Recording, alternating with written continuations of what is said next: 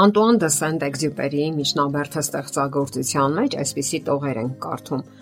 Եվ ահա թե ինչու են կանայք հոգնում իրենց սիրող տղամարդկանցից, որ իրենց սերն ի ցույց դնելու համար վերածվում են արձագանքի եւ հայելու, քանի որ ոչ ոք սեփական պատկերի կարիքը չունի բայց ես քո կարիքն ունեմ, քո որ կառուցված ես ամրոցի պես, կարծր քո միջուկով, որին բախվում եմ ես։ Նստիր մի պահ, որովհետև դու կաս իսկապես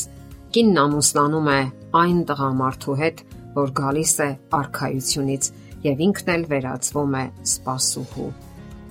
Երբ դուք ընտրություն եք կատարում, կարևոր հարցեր են առաջ գալիս։ Դրանցից մեկը եւ ամենակարևորներից մեկը այն է, որ դուք պետք է պատրաստ լինեք ընդունել մեկ այլ ձեզանից խիստ տարբեր անznավորության։ Հարցը կարելի է ձևակերպել նաեւ այլ կերպ։ Իսկ դուք պատրաստ եք հանդուրժել ձեզանից այնքան տարբեր մի անznավորության։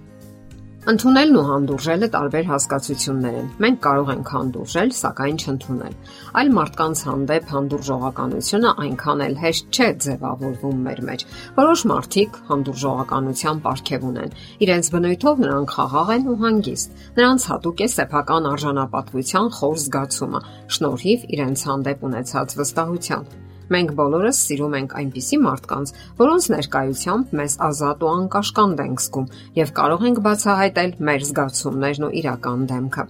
Նման դեպքերում մենք կարողանում ենք լիարժեք դրսևորել մեր իրական բնավորությունը, թուլանալ եւ անգամ գնալ զիջումների, առանց փոխարենը ինչ որ բան պահանջելու։ Նման պահերին մենք բավականություն ենք զգում թե մեր դիմացինի եւ թե մեր ներկայությունից։ Որոշ մարդիկ կարողանում են հարմարվել, եւ դա նրանց մոտ հեշտ է ստացվում։ Որոշ մարդիկ կարծր են եւ երբեք չեն կարողանում հարմարվել։ Սա եւս ընդունելի որակ չէ ընտանեկան խաղաղ համակեցության համար։ Այստեղ ճիշտը երկուսի միջև ներդաշնակ հավասարակշռությունն է։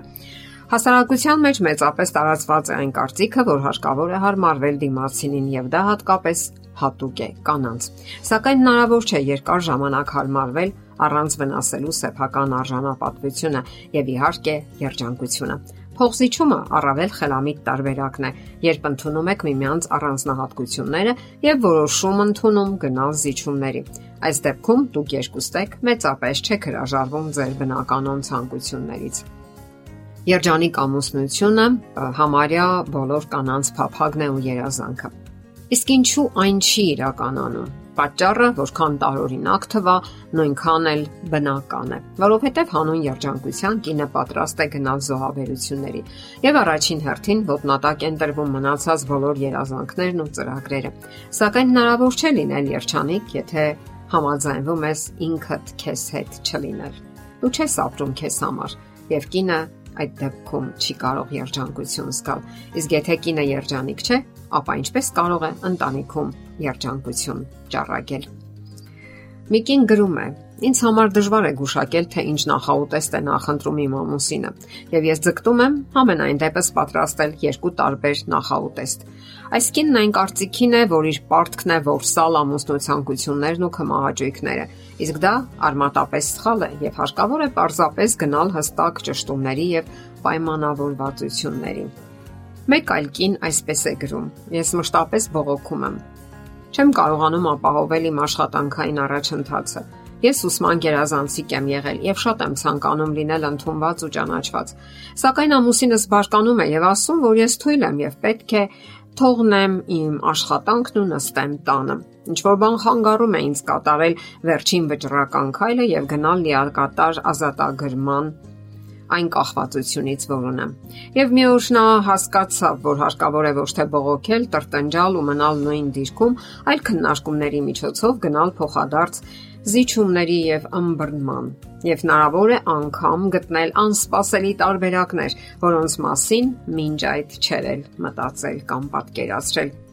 Ինչ հետևություններ կարելի է անել Հրաժարվելով ինքնուրույն գործելուց մենք դադարում ենք վստահել ինքներս մեզ։ Սկսում ենք դրսում հնարաններ որոնել եւ թույլ ենք տալիս, որ ուրիշները ղեկավարեն մեզ։ Իսկ երբ մեզ հետ վարվում են որպես ոչ խելամիտ երեխաների, որոնք չեն կարող ապրել առանց խնամակալության ու դայակի, ապա մենք ակամահարմարվում ենք եւ խաղում այդ անօքնական մանուկների դերը։